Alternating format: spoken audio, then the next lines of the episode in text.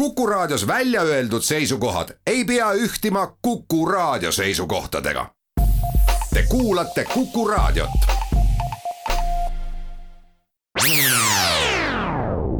Restart.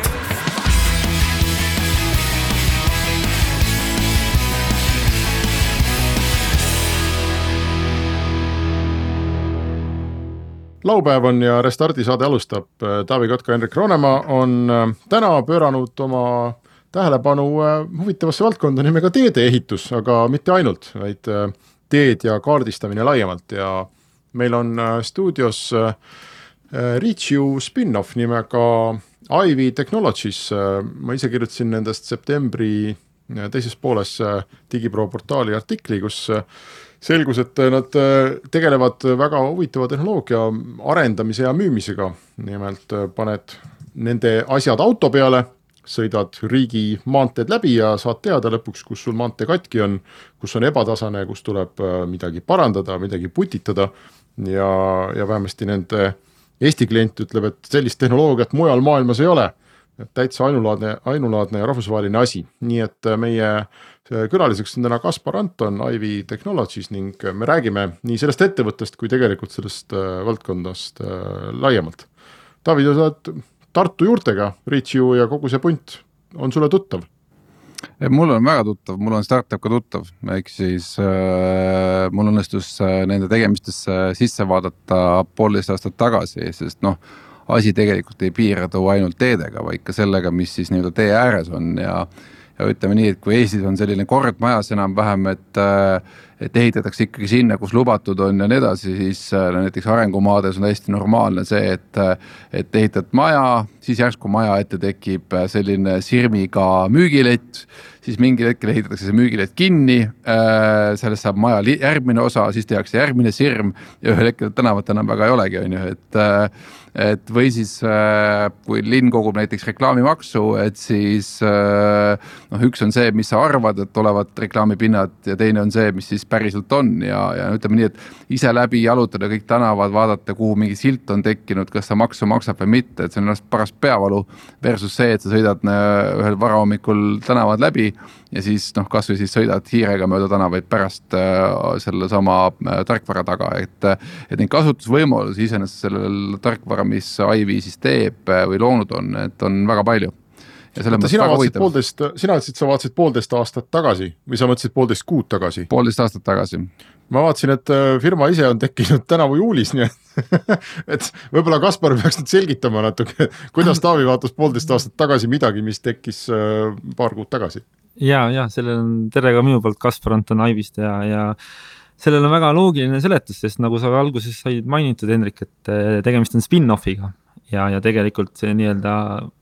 sellises valdkonnas me oleme tegelenud nüüd juba kuus aastat, arendanud siis seda tehnoloogiat ja olnud erinevates turgudel ja, ja teenindanud erinevat sorti kliente. kuid äh, jah, nüüd praegu värskelt pool, noh, veidike rohkem kui poolteist kuud tagasi siis sai, sai spin-off ametlikuks ja, ja, ja ametlik siis startup'i sünnikuupäev on siis kümnes juuli et, et äh, mõlemad on õiged ja, väga tore kuulda, et Taavi on meie tegemistega varasemalt juba tuttav, et, et et Reach'i alt me oleme, oleme toimetanud peaaegu nagu, nagu startup'ina põhimõtteliselt, et Reach on olnud meie jaoks selline inkubaator ja, ja eks me ootasime seda oma hetke, et, et millal me nüüd lendu lähme ja, ja siis selle kaitsva ema tiiva alt siis nii-öelda laia maailma välja hüppame, et ja nüüd on see juhtunud aga teeme kohe kuulajale, kuulajale siis selgeks, et millega üldse tegemist on, et äh, nagu ikka, palun seleta väga lihtsalt ära, äh, mis probleemi te lahendate ja kuidas te seda lahendate niimoodi, et äh, meie fännil ja saatekuulajal saaks noh, pilt ette, et millega tegemist. Jah, kõige lihtsamat varianti, et ma tooks ühe, ühe paralleelnäite, et, et kui sa äh, omad autot, siis auto on sinu jaoks nii-öelda sinu, sulle väärtus ja, ja selle väärtus siis hakkab, hakkab muutuma ja sul on vaja seda hooldada. ja auto hooldamiseks sa viid ta siis teenindusse, kus talle diagnoositakse siis, mis tal viga on ja tehakse parandused ja või siis juhtub nii nagu minuga, kus äh, viga ei olnud midagi, aga seitsesada eurot tuli ära maksta. Noh, lihtne ka. tavaline asi automaailmas jah, aga noh, see on vahelepõigele, mine räägi edasi. Et, et äh, meie puhul on, on natuke sarnase nagu case'i võib välja tuua lihtsalt nüüd äh, selle auto asemel on siis kogu riigi teedevõrk. Ja, ja, ja meie oleme nüüd see hooldusettevõte, kes siis diagnoosib seda kogu riigi teedevõrgule, et, et mida tuleb teha, et, et see, et see väärtus nii-öelda äh, alles jääks ja et see väärtus kasvaks ja kõige kauem kestaks, et, et noh, et kõik ju loodavad nende, nende nii-öelda omandis olev vara siis ikka kestaks kaua ja, ja see on see, mida me siis pakume. Äh, kui nüüd äh, minna siit sammukene tehnilisemaks, siis mida me täpselt teeme, siis me arendame 3D kaardistustehnoloogilist platvormi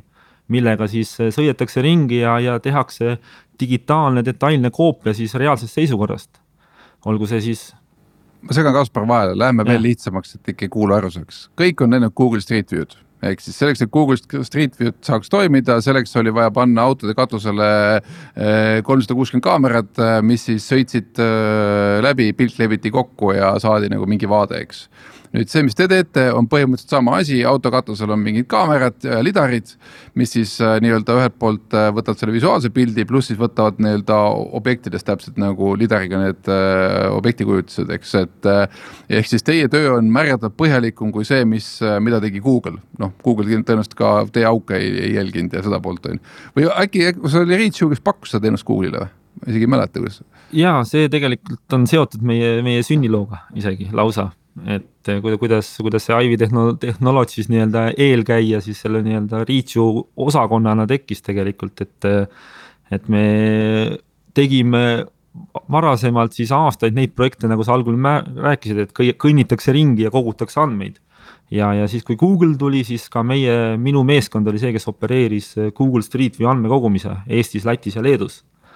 ja, ja see oli noh, sihuke uus omalaadne ja, ja, ja hästi äge tehnoloogia ja loomulikult me olime tohutult vaimustuses sellest, aga. aga mis juhtus siis, et Google vaatas, et aitab küll siin Baltikumis toimetamisest ja tõmbas oma autod ja, ja oma tehnoloogia minema.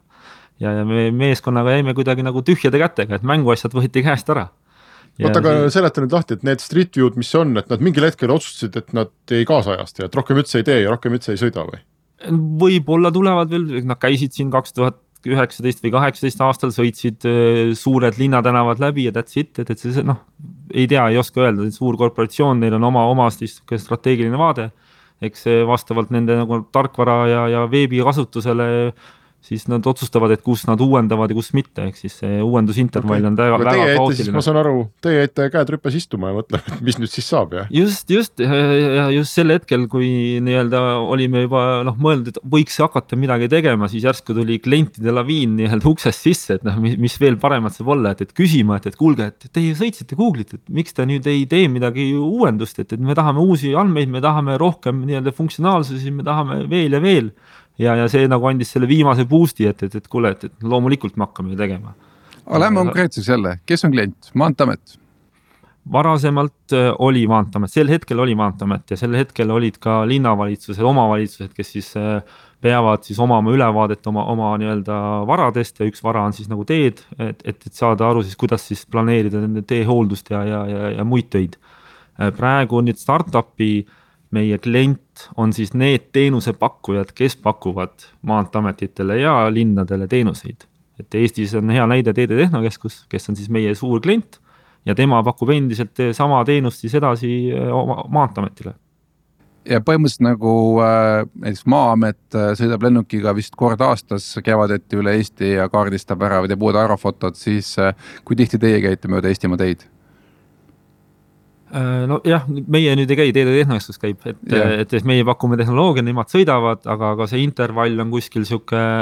ütleme, pooled riigimaanteed per aasta on praegu see, mis on määratud ja nüüd ülejäänud teedevõrgule siis sõltub, et, et mis seal nagu intervall tuleb, et. et ma arvan, et kogu Eestit käiakse ikkagi iga teine aasta tervikuna üle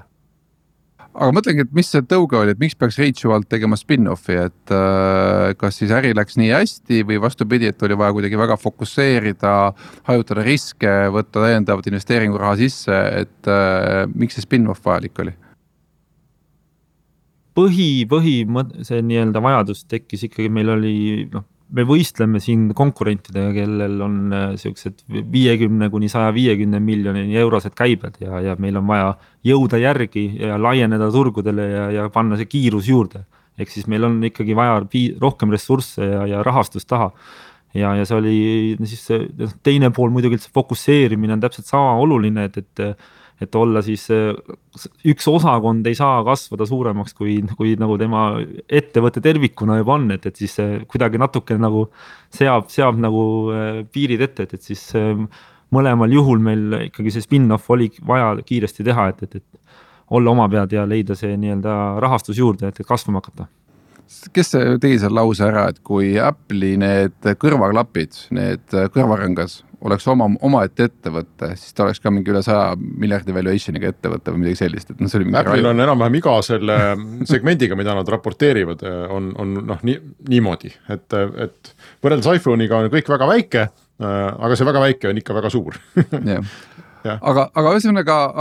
aga ma mõtlen, alguses oli ka see, see teema, et ei olnud ainult teed, vaid no oligi, et noh, et sama noh, linnavalitsuse teema oli see nii-öelda reklaamid. Te mõtlesite ka selle peale, et issand jumal, et see tehnoloogia ei pea ju auto peal olema, et selle võib ju ka drooni külge riputada, võib mõõta mingeid põlde, võib mõõta mingeid äh, niiskusastmeid, igast muud kala, et äh, et mis sellest nüüd on saanud, et ma saan aru, et ikkagi raha on konkreetselt ikkagi teedes ja, ja nende teede kvaliteedi jälgimises ja mõõtmises. ja sellepärast olete ära fokusseerinud ennast sinna. Või see ikkagi on nii, et, et vahet pole, et äh, me oleme tehnoloogiaettevõte ja, ja ma ei tea,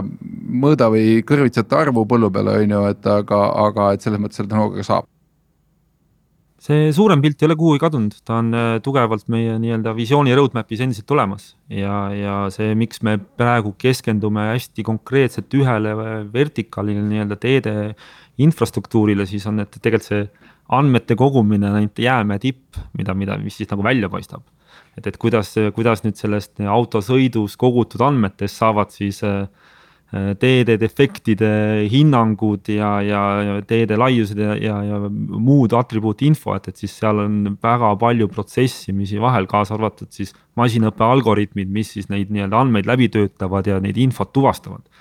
ja nende algoritmide arendamine siis käib hästi spetsiifilise valdkonnas äh, nii-öelda põhiselt, ehk siis äh, praegu me tegime teede valdkonnas, muudes osades me teeme RD projekte ja oleme valmis jällegi järgmine aasta raha, äh, nii-öelda ressurssi on jälle natuke rohkem, saame keskenduda ka muudele osadele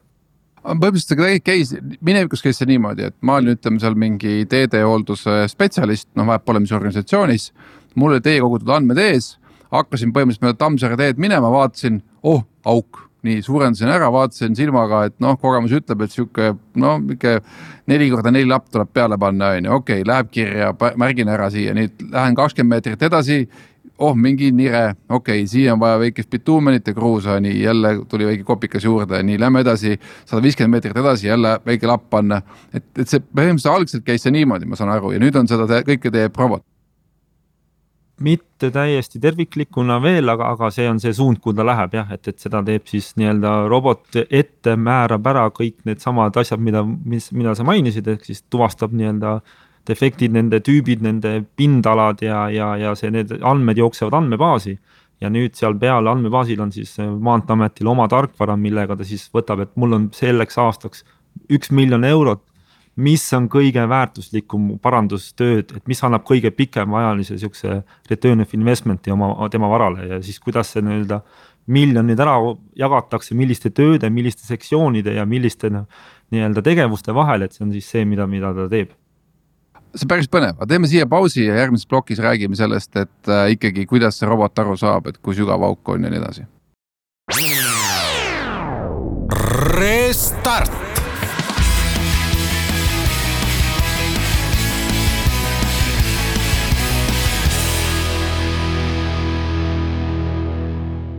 Restart jätkub ja me räägime äh, firmaga Ivy Technologies, mis on Reach-U spin-off ja, ja aitab äh, nii Eestis kui mujal kaardistada siis seda, millises seisukorras on maanteed, mis seal ümber toimub, sees ja peal ja, ja, ja kuidas neid targemaks teha iPhone tuli just hiljuti välja oma mudeliga number kaksteist, mille peal on ka juba algeline lidari funktsionaalsus. ehk siis äh, ma arvan, võib-olla peaks tegema väikse update'i kuulajatele ka ikkagi, et, et mis tehnoloogilise imevidiniga on tegemist, äh, sellepärast et tundub, et see hakkab tungima meie juba nii-öelda igapäevaellu, et oli siiamaani selline väga kallis äh, lisafunktsioon, mida ütleme, no ma ei tea, kas näiteks ma ei tea, robottolmuimejatele oli, oli väga raske peale panna, sest ta ikkagi maksis noh sadu, pigem tuhandeid eurosid, eks, et, et äh,. aga nüüd tundub, et hakkab kuidagi nagu massidesse jõudma, et, et kas sa, Kaspar, seletaksid ära ikkagi, et kuidas see tehnoloogia, mis te sinna auto peale riputate koos tarkvaraga, et kuidas see ikkagi töötab, mismoodi see andmekogunemine käib ja kuidas me ikkagi saame aru, et auk on auk ja, ja, ja vajab lappi jah, jah, lidartehnoloogia on, on väga kiiresti arenev praeguses maailmas ja, ja noh, ütleme meie ise nüüd nende iPhone'i ja nende lidaritega, need on jällegi võrreldes väga erinevaid seadmeid ja erinevaid nii-öelda äh, täpsusastmeid, aga, aga meie samamoodi tegelikult kasutasime ära siis isesõitvate autode nii-öelda turu kasvu. kus siis äh, neid äh, igal isesõitval autol on selliseid kolm-neli lidarit peal ja, ja mida see nagu lidar tal teeb, et. et ta siis hindab igal millisekundil siis kõikide objektide kaugusi mis on siis sellest nagu kohast, et põhimõtteliselt nii-öelda skänn-, kolmsada kuuskümmend lidalit skänneerivad ringi ja, ja siis äh, hindavad äh, kogu ümbrust 3D äh, ruumis, et, et, et sa teaksid, et kui sa nüüd liigud edasi, et, et mis siis on sul kõrval, mis on ees ja mis on nii-öelda mujal. Ühesõnaga me... teeme, see on nagu nii-öelda tavainimesele õigesti teha, et nagu, nagu ütleme nii-öelda raadiotehnoloogias töötab radar, et signaal läheb välja, põrkub tagasi ja mõõdame siis kaugusi ja põrkekiirusi jah, lidari puhul lihtsalt laser läheb välja, laserkiir jõuab objektini, tuleb tagasi, peegeldab tagasi, hindab ära, et, et see oli nii kaugel, määrab, noh, oleneb lidarist, seal on ka muud atribuudid veel, et, et ta hindab sihukest nagu intensiivsust ja, ja paari muud parameetrit oota, aga see ei ole mitte, eks ole, mingi üks, üks kiir, mis äh, juhuslikus suunas sealt sõitvast autost väljub, vaid kas ma saan õigesti aru, et selle, selle sõitva auto ja, ja, ja lidari ja teie tarkvara nagu tulemuseks on põhimõtteliselt 3D ruum nii-öelda sellest, kus Just. see auto sõitis ja mis seal toimus? Praegu see lidar, mis me kasutame, on siis, tal on kuuskümmend neli kiirt ja need, need keerlevad siis kolmsada kuuskümmend kraadi seal nii-öelda sees, et toodavad tegelikult sihuke üks koma kolm miljonit punkti sekundis siis selle ümbruse kohta, mis ta näeb. Ja, ja võiks seda nüüd hinnata nüüd selliselt, et, et tegelikult selline sentimeetri täpsused, detailid on need, mis meil välja joonistuvad sealt no põhimõtteliselt sa näed, teeres on post äh, ja sa näed ka enamikku sellest postist, aga kindlasti on seal mingi pime nurk lõpuks, mida sa siis nagu ei näe, kuna sa läksid posti kõrvalt mööda, on ju, et mitte ümberringi, on ju. Jah, jah, mingi osa võib alati jääda tagune nii-öelda, et, et me siis ikkagi oleme sihuke teedepõhised praegu, et sa alg, algul mainisid seal, et, et on ka mõeldud, et panna kuhugi drooni külge ja, ja teha mingi õhuskaneerimisi ja tulevikuvisioon kindlasti sinna läheb, et, et digikaksikute jaoks meil on vaja siis kombineerida autopõhised ja õhus kogutavad drooniandmed ja siin me oleme ka juba paar head näidet Eestis nagu ära teinud, et. et. aga kui see auto, auto nüüd kuidas te neid maanteeauke tuvastate, kas see lidar nii-öelda põrkab ka tee pealt tagasi või teil on autos äh, akseleromeetriga, ma ei tea, telefon ja kui matsakas käib, siis saab aru, et kui sügav auk oli noh, lidar tegelikult ikkagi kaardistab seal teepinna ära ja, ja mingi osa defekte ja auke sealt joonistuvad välja just sellepärast, et sa näed seda reaalset 3D siis nii-öelda teepinda.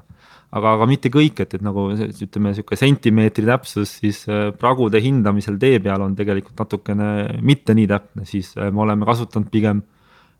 pildi pealt tuvastust ja, ja, ja pildi peal nii-öelda need defektide kontuurid on ikkagi väga selgesti eristatavad ja meie tugevus oli selles, et me oleme kolm aastat käsitsi nii-öelda käinud läbi neid pilte ja kogunud seda andmeid ja sedasama andmestikku me siis õpetasime masina, masinale selgeks ja nüüd masin hakkab tegema siis sedasama tulemust. jah, no niimoodi, eks ole, see on see põhiline masinõppe värk, et sa pead talle ette andma hästi palju kassipilte ja ütlema, et need on kassid. või siis tee puhul, eks ole, et need on nagu mingid probleemid tees ja siis edasi saad talle visata nii-öelda terve tee ja katkise tee ja siis loota, et ta tunneb ära. kas kõik see, mis sa räägid, on, on tõesti äh, maailmas ainulaadne? et äh, ei ole ükski teiesugune, ei Reachu ega Ivy kuskil teinud seda, et noh, paneme, võtame lidari ja radari ja paneme autole peale ja, ja sõidame ringi ja saame tulemused, see kõlab iseenesest nagu noh, asi, mida võiks teha päris selliselt ta ei ole kindlasti jah, ütleme neid äh, tehnoloogiaid on varasemalt nagu palju olnud, varem ka ja ma arvan, et see, neid on ikka viis kuni kümme aastat nagu kasutatud juba väga tugevalt. Aga, aga mis on meie sihuke unikaalsus on, et, et tavaliselt need tehnoloogiad on arendatud siukse kuidas öelda nüüd geoteetilise nii-öelda sihtgrupi pealt ja, ja see teeb need seadmed veel täpsemaks, aga samas ka ülikalliks, mis, mis nagu ei võimalda seda nii-öelda tehnoloogiat skaleerida kogu riigi peale, vaid pigem on kasutatud siukseid kümme kilomeetrit mõõdan ja, ja, ja kõik, et, et, et sellist nagu lähenemist. siis meie tuleme nüüd täpselt siuksed kaardistusettevõttest Regio Regio ja meie nagu suund on, et me hakkame kindlasti kaardistama riike, kontinente, mitte, mitte nagu ühte teed, et ja, ja, ja see, see nagu erinevus siis on siis meiega tehnoloogias hästi tugevalt ja tarkvaras hästi tugevalt näha Mütt on startup mõned kuud vana, eks, et olete, tõsite kindlasti ka business'i ümber, et äh, et kas täna on ta ikkagi siis, äh, kuidas te see öelda, teil on nagu projektipõhised tööd või te litsenseerite kogu selle lahenduse ja põhimõtteliselt klient ise vaatab, kui tihti ta midagi teeb, et äh, kuidas te raha kogute üldse? Me oleme teinud hästi-hästi lihtsa ärimudeli oma klientidele, ehk siis ja, ja hästi lihtsa selles mõttes, et, et nii keegi ei pea pikaajalisi investeeringuid tegema meie suhtes. vaid siis äh, ütleme, et meil oli üks projekt siin kaks kuud tagasi oli USA-s, USA-s Texases ja, ja meie poole pöördus klient, ütles, et tal on siin äh, viissada kilomeetrit vaja sõita. ja, ja meie nagu ärimudel näeb ette, et, et me hinnastame siis ühte kilomeetrit ta ütles, et see kilomeetri hind on okei okay., me saatsime kogu oma süsteemi nii-öelda seadmed ja, ja tarkvara siis nii-öelda installid talle teele tema pani ise seadmed üles oma autole, sõitis oma viissada kilomeetrit läbi, töötles andmed, tuvastas oma vajalikud objektid ja saatis meile kogu asja tagasi, maksis ainult selle eest, et kasutas viitsadat kilomeetrit. Okei okay,, aga ma mõtlengi, et äh, oskad sa meile juba numbreid ka rääkida, et äh, see tundub selline tehnoloogia, mida on väga-väga vaja, et äh, mis teil juba siuksed baasnäitajad on, a la ma ei tea, MRR või, või, või ARR või mida te mõõdate, et äh,. ARR-i veel ei ole, aastat ei ole veel, et no me ikkagi mõõdame ARR-it, kuigi me jah, ütleme juulist nagu alustasime, siis äh, me võtsime kaasa kogu Reachius äh, enne juulit toimunud tegevused ja, ja, ja nii-öelda finantsiseisu, ehk siis see aasta on meil praegu sihuke kakssada tuhat ARR. ja, ja needsamad kliendid, me kujutame, et nad pigem äh, järgmine aasta, isegi kui me uusi kliente ei otsi, siis nad äh, kahekordistuvad oma, oma nii-öelda selle nii-öelda kilometraaži ja tänu sellele siis tegelikult see ARR juba tõuseb topelt. samal ajal me siis otsime uusi kliente ikkagi kogu aeg juurde aga see on ikka vähe, et see on ikka kakskümmend viis, kolmkümmend viis tuhat eurot kuus umbes, et no., et ta on ikkagi pisike veel. pisik ikka jah, me ütleme, et äh, me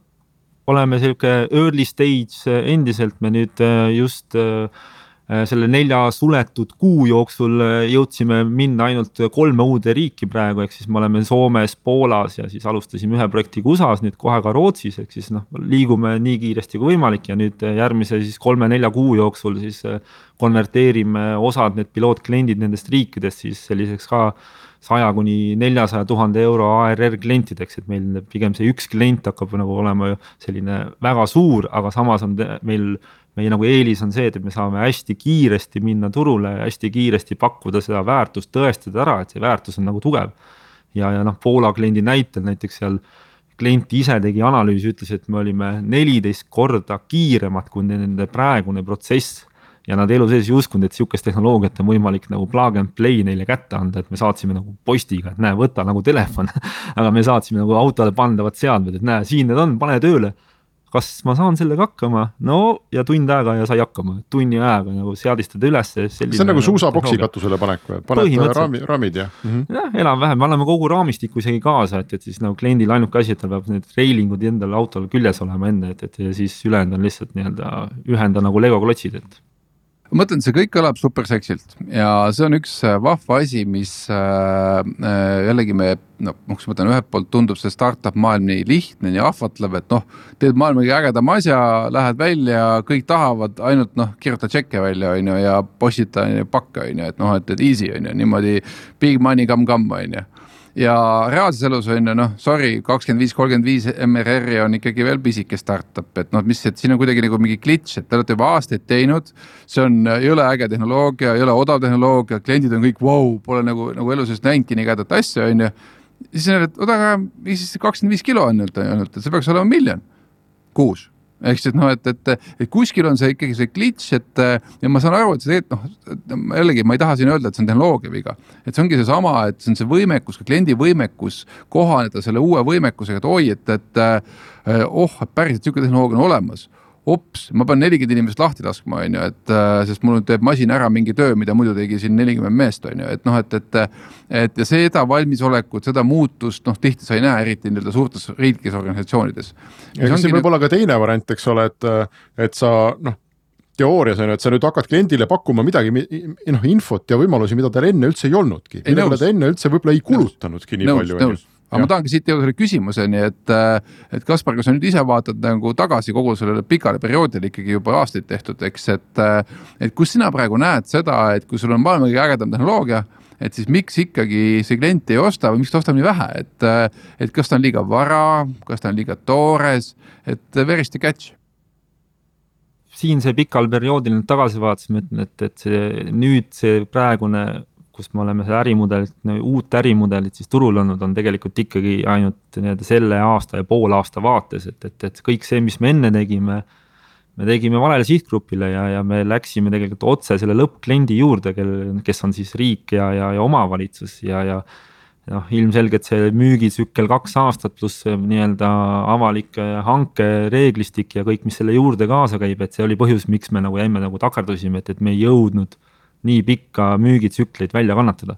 ja nüüd, kui me oleme oma ärimudeli muutnud, siis äh, see miljon, mis sa ütled, mis võiks olla, see on järgmise aasta nagu siht ja, ja mitte nagu siht, vaid ma arvan, et me jõuame sinna juba kuue kuu vaatest, et see praegune kakssada tuhat on siin nelja kuuga kui me alles käima tõmbame, samal ajal eraldame ennast nii-öelda reach'ust ja, ja kogu see tegevus käib sinna juurde kõrvale. et, et kohe ma, oleme seal. ma ütlesin mil-, ma ütlesin miljoni kuus, mitte no, miljoni aastas. anna poolteist aastat veel otsa aga, aga Kaspar, mis see, kumb see olukord siis nagu reaalselt on, et kas, kas see on nii nagu Taavi ütles, et, et kliendid peavad nelikümmend inimest lahti laskma ja nelikümmend lepingut üles ütlema trahvidega või sa pakud neile midagi, mida neil üldse ei olnudki ja seetõttu nad peavad äh, nelikümmend aastat mõtlema ja harjuma selle, selle, selle mõttega äh,? ei ole päris üht ega teist, et noh, keda kohe lahti hakkame laskma ja see protsess on tegelikult neil noh, meie esimene target grupp on ikkagi kliendid, kes juba teevad sarnast asja. ja, ja nüüd, mida me pakume neile, on siis, et, et nad saavad äh, nii-öelda kas ajaliselt kiiremini selle lahendatud või siis äh, lihtsalt rohkem projekte võtta endale järjest ette, et, et, et aga, aga kindlasti see noh, ütleme selle äh, teedesektori pidurda, natukene ajaliselt pidurdav vaade on ikkagi, et, et lõpp, lõppklient on ikkagi nii-öelda riik ja, ja ja, ja linnavalitsused, kes siis peavad need otsused tegema, et nad hakkavad sellist asja hankima põhjustel, et, neil on olemas siis tarkvarad ja analüütilised platvormid, kuidas neid andmeid siis kõige paremini ära kasutada. see on ka üks, üks, mismoodi me valime enda nagu sihtturge, et, et siis me vaatame, et, et kuhu maani on siis nii-öelda linna sihuke nii-öelda manageerimine ja riikliku teedevõrgu manageerimine siis võimekus nii-öelda olemas või ei ole, et, et, et ma ei tea, kuidas see protsess varem käis, et kui ma noh, siin kiiresti näppude peale arvutan, on ju, et, et kui ma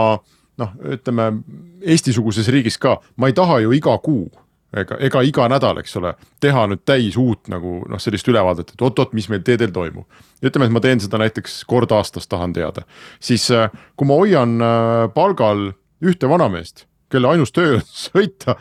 viis päeva nädalas, eks ole, mööda Eestit ringi ja panna kirja, kus maantee peal on suurem auk, siis see ei ole väga suur kulu mulle ja või, või ma mõtlen seda tõesti nagu liiga, liiga labaselt. liiga lihtsasti jah, ütleme, et see päris ei ole nagu, et üks auk, vaid sul on, kui sa nii-öelda analüüsid seda andmestikku, siis, siis on vaja ikkagi iga teelõigu kohta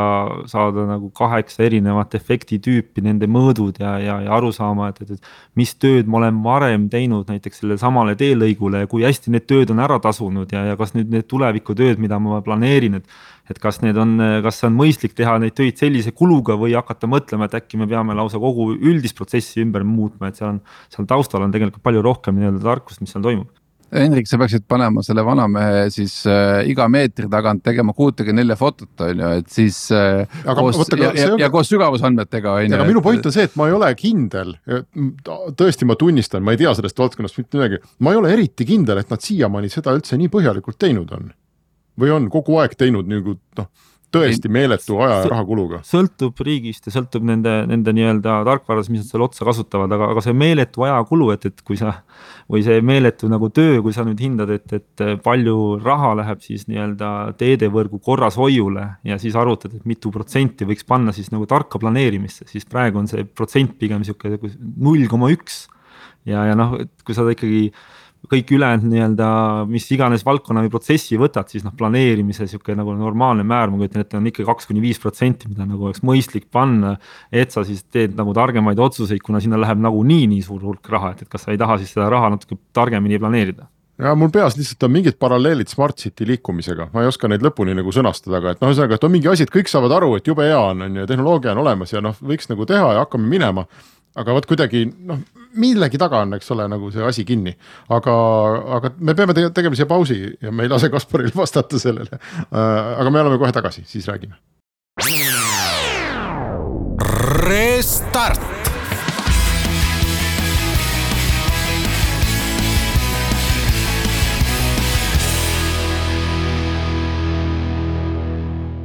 Restart jätkub ja me räägime äh, iduvastsest idufirmast IV Technologies, mis on tegutsenud juba mitu aastat. Äh, ma kusjuures mõtlesin välja, et ma vaatasin siia nii-öelda pikemalt sisse, mitte poolteist aastat tagasi, vaid kaks ja pool aastat tagasi lausa. ja juba toona mul jäi mulje, et noh, et jesus christ, et see on maailma kõige lahedam tehnoloogia, et, et siin saab ainult minna läbi katuse, on ju, see kõik see müük ja käive ja et teil ma ei tea, Bauhof ei müü piisavalt suuri kühvleid, et hakata raha kokku lükkama, on ju, et seal on vaja mingit suuremat sahka, on ju. ja, ja ikkagi noh, ta läheb ikkagi sammhaaval, sest ongi nii-öelda uus valdkond ja uus tehnoloogia ja nii edasi aga ma ikkagi küsin, et nüüd, kus te olete nii pikalt tegutsenud, ma arvan, et see, et te äh, olete vahetanud oma sihtrühma, et te nii-öelda aitate neid, kes juba teenust pakuvad riikidele ja omavalitsustele, eks, et. et see on väga hea, väga hea mõte, väga hea muutus, et te olete, ütleme väga kogenud juba selles valdkonnas. ja nüüd, kui sa oled kogenud, nüüd sa teed spin-off'i, teed startup'i, mis tähendab seda, et sul nagu toode on olemas, äh, sul on arusaam kliendist olemas, no sihuke, ütleme Äh, A-raundi tase, mis tähendab umbes selles, et nüüd, nüüd peaks nagu hakkama kuuma andma, et noh, et nüüd tulekski võtta nagu mitu miljonit sisse, turundus, äh, müüki äh,, nii edasi, et äh,. et räägi nüüd sellest, et, et, et mis plaan teil on või, või kas te ikkagi teete sellist nii-öelda äh, reach you likut äh, samm siiapoole, samm sinnapoole kerge nõelavistega või ikkagi äh, all in noh, et äh, kolm milli põlema ja siis vaatame, et äh, kuidas järgmised kolm milli saab kindlasti all in ja kindlasti siis äh, tegevused toimuvad pigem nagu kiiremini kui aeglasemalt, aga ka siin nii-öelda selle selle, kas sa oled nüüd äh, valmis kolme milli võtma või, või oled, võtad algul pool miljonit, et, et jällegi natuke ära tõestada, et, et siin on mul siis viimase aasta kogemus, kus ma arvan, sihuke paarsada investor võimalust ja, ja pitching üritust ja kõike muid on nagu läbi käidud et, et siin on äh, milstone'e, mida me peame kõigepealt äh, ületama in, äh, esmajärgus siin kuue kuu jooksul ja, ja selle jaoks me pigem siis otsime esialgu väiksemat raha sihtotstarbelisemalt, et anda ära siis õiglane tükk ka nii-öelda share idest ja, ja siis see kolm miljonit tuleb kohe järgi aga ühesõnaga äh, räägi sellest plaanist ikkagi praegu, et äh, teil on Eestis ikkagi mingi teatav äh, baas olemas, lähiümbruses sa ütlesid, mainisid siin Poolat, Soomet, et ka mingid üksikud näited, eks, aga kas teil on ka mingi päris konkreetne turg, mida te valutada tahate, ma ei tea, näiteks Saksamaa, USA, mis iganes, et. et räägi üldse sellest plaanist, kuidas nüüd saab üks selline kahekümne viie, kolmekümne viie MRR, MRR-iga ettevõte saab järsku nüüd miljoni peale, et, et kuidas see sinu nägemus on sellest asjast? Jah, meie, meie põhiturud, kus me siis oleme hästi tugevalt keskendunud, on Põhjamaad, on äh, so Soome, Rootsi, Norra ja nüüd äh, jätkuna ka Taani. ja, ja siis äh, kuna ütleme, et talv tuleb Põhjamaadest nagu peale, siis on vaja vaadata ka kuskil Kesk-Euroopasse, seal oleme hästi tugevalt praegu suunitletud Poolale. aga, aga Poola kõrvale juba siis teeme väikseid tegevusi ka Saksamaa ja UK osas, et UK-s me oleme varasemalt eh, nii-öelda Reach'i ajal päris palju projekte läbi viinud ja, ja seal on jällegi see valmisolek, riiklik valmisolek hästi tugev. ehk siis nendest turgudest kokku on see, kus me siis eh, oma esimesed viiskümmend pilootist viis klienti konverteerime ümber ja, ja ongi see miljon käes, et, et see ei ole üldsegi midagi nagu üle mõistuse aga sul on äh, igas riigis oma kliendihaldur, müügimees või see on pigem sihuke äh, noh, netimüük, et, äh, et olla kõikides otsingutes esimene vaste ja, ja, ja, ja püüda see klient nii-öelda netiavarustest, avarustest kinni ja siis müüa talle seda teenust? me läheme hästi sellise nii-öelda, nii-öelda täpse ja detailse otsinguga peale, et me otsime siis need kakskümmend, kolmkümmend äh, staarklienti, kes me kujutame ette, võiksid olla ja siis personaalselt. telefonimüük. käime telefoni emailiga ja siis kohapeal vajadusel läbi, et, et ma just nagu lõpetasin oma karantiini, kus ma olingi kolm nädalat Poolas ja, ja nädal aega Rootsis reisil, et. et siis käia nii-öelda tulevasi potentsiaalseid kliente läbi kui suur see ettevõtete hulk üldse on, et noh, Eestis on Teede Tehnokeskus, eks ole, ma arvan, päris suur osa turust. palju näiteks Poola-suguses või Saksamaa-suguses riigis on, et seal on ka üks, üks-kaks, kes äh, tegelevad sellega, et sul ongi neid kliente vähe mõned ikkagi rohkem, et, et ma ütlen, et kui ma Soome näite toon, siis ma arvan, et Soomes ikkagi paarkümmend nagu, keda me kohe nagu teame ja, ja ma arvan, Poolas on ikkagi noh, vaadates, et see riik on eriti sihukese piirkondlikult äh, jagatud äh, ka nii-öelda selliste tööde peale, siis ikkagi sadades on neid kliente, kes, keda nagu seal nagu läbi käia ja, ja noh, Saksamaa kohta ma, seal on äh, jällegi hästi nagu ära jagatud, et, et äh, seal on, ma arvan, kümme, kakskümmend kond sihukese põhikiirteede peale nagu klienti ja siis hakkab olema vastavalt siis. mida allapoole nende teedeklassides lähed, siis seda rohkem neid teenusepakkujaid ja tegijaid tegelikult on, et, et kui sa oma tehnoloogiat vaatad äh, ja ma arvan, et see on hästi oluline väärtus teil, et teil ei ole ainult 3D äh, pilt, vaid ikkagi see, et te olete õpetanud ka masina neid pilte lugema, eks, ja, selle pealt järeldusi tegema, et äh, et aga kui sa vaatad ikkagi seda baastehnoloogiat, kui sa mõtled lidarite peale näiteks äh,, oletame, et lidarite hinnad kukuvad ka ikkagi noh, nii-öelda tuhandete pealt seal äh, kopikate peale, eks, et äh, et äh, ja sellest näiteks, et kui sul on linn, äh, siis äh, isesõitvatel autodel oleks väga palju kasu sellest, kui nad saaksid, üks on see, mida nad ise näevad, aga teine on see, et näiteks et tänavatel on tänavapostide küljes on ka iga posti küljes komplekt lidareid, mis annavad sulle seda infot näiteks, et okei okay,, et nüüd mingi väike laps või, või koer samast auto tagant kohe jookseb sulle ette, on ju. et sa saad, saad nagu öelda, kus ma ütlen, et sul on oma auto peal informatsioon, aga sa rendid ka põhimõtteliselt nagu mingit informatsiooni, mis sul tuleb nii-öelda Smart City või linna, linna, linna käest nii-öelda platvormina et äh, kui sina vaatad selle valdkonna arengut üldse, mis sa näed siin nii-öelda suurema trendina? nojah, siin äh, isejuhtivate äh, tehnoloogiate juures on ka täpselt need kaks kogukonda, et ühed, kes siis teevad nagu kõike laivis ja, ja teised on need, kes siis kasutavad ühel või teisel määral siis olemasolevaid andmestikke nagu alla ja, ja ma arvan, et eh, noh, mulle tundub, et tugevamalt jäävad peale pigem need, kes siis praegu olemasolevaid andmeid ka juba kasutavad, sest see andmete nii-öelda hulk ja andmete detailsus on tohutus kasvus ja, ja no oleks nagu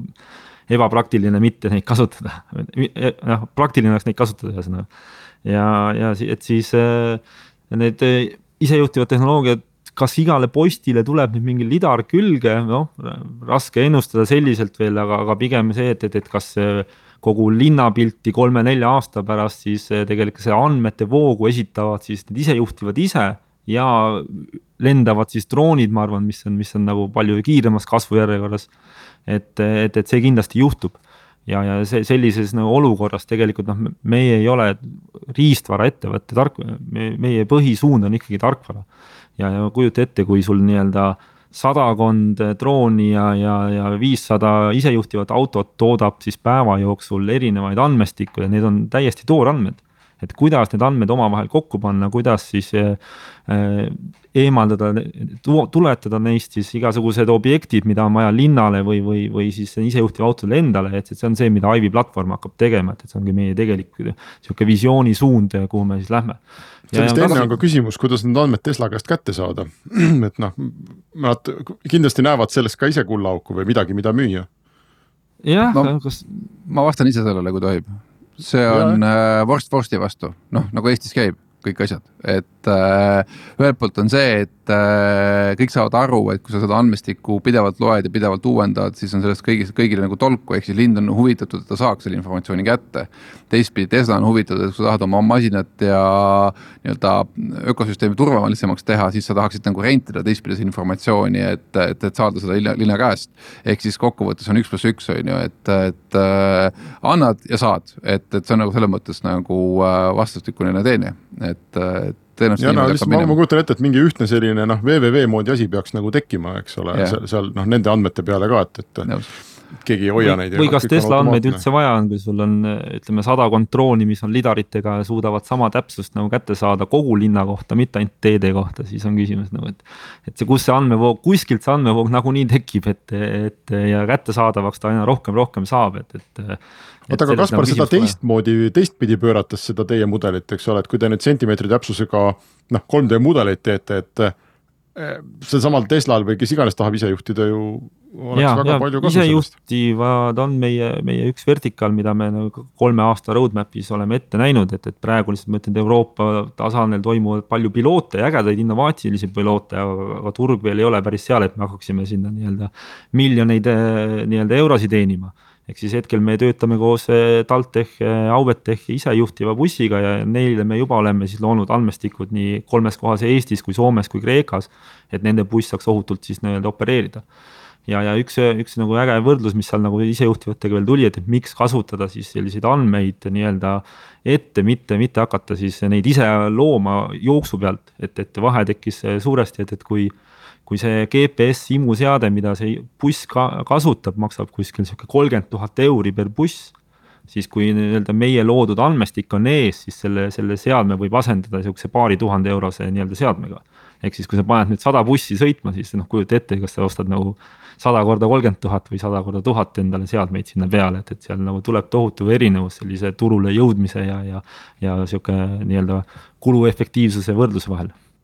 sa ütlesid eelmises plokis, et äh, sa pead järgi jõudma neile, kes täna kulutavad sada miljonit ja sada viiskümmend miljonit selle tehnoloogia ja, ja toote ja, ja teenuse arendamise peale, et äh,. et kui lootusetu see võistlus on, et äh,, et kas me saame siit uue Skype'i või ei saa? Kindlasti saame, et kindlasti, kindlasti selle ära teen, et seda, seda võib nagu kohe juba ette öelda. Et, et ei lootusetust ei ole midagi, niikaua kuni nii-öelda silm särab ja, ja, ja meeskond töötab ühtsena ja see on, see ongi see võlu, mida ma arvan, et nii-öelda startup indus toob, et sa kogu aeg kogu aeg, kui sa esimese milstonei kätte saad, siis mõtled kohe edasi, et, et mis siis, kui lööks selle korda kümme ja lööks selle korda kümme ja ma arvan, et see mentaliteet, mida nii-öelda kogu see valdkond sisse süstib mida veel nagu toetab tugevalt siis sihuke, sihuke Eesti nii-öelda kuvand, Eesti nii-öelda äh, riiklik äh, asutus, näiteks EAS on meil päris tugev nii-öelda äh, partner kõikides turgudes, kus me oleme toimetanud ja, ja väga suur abiks olnud. et, et teeme ära muidugi, et, et et anna, anna, nagu ma ütlesin, et, et see aasta kakskümmend on see koht, kus me nüüd nagu lendame selge, aga aitäh sulle, Kaspar, Restard'i aeg on tänaseks läbi, tõesti palju edu ja loodame, et äh, uus Skype, no mis loodame, sa lubasid. On siit on tulemas. aasta pärast näeme. Aasta pärast näeme. Matter of time. Loeme, loeme ükssarvikud kokku, aga kuulajatega me kohtume juba nädala aja pärast, äh, nii et äh, üks nädal veel ja siis on Restart taas eetris. Restart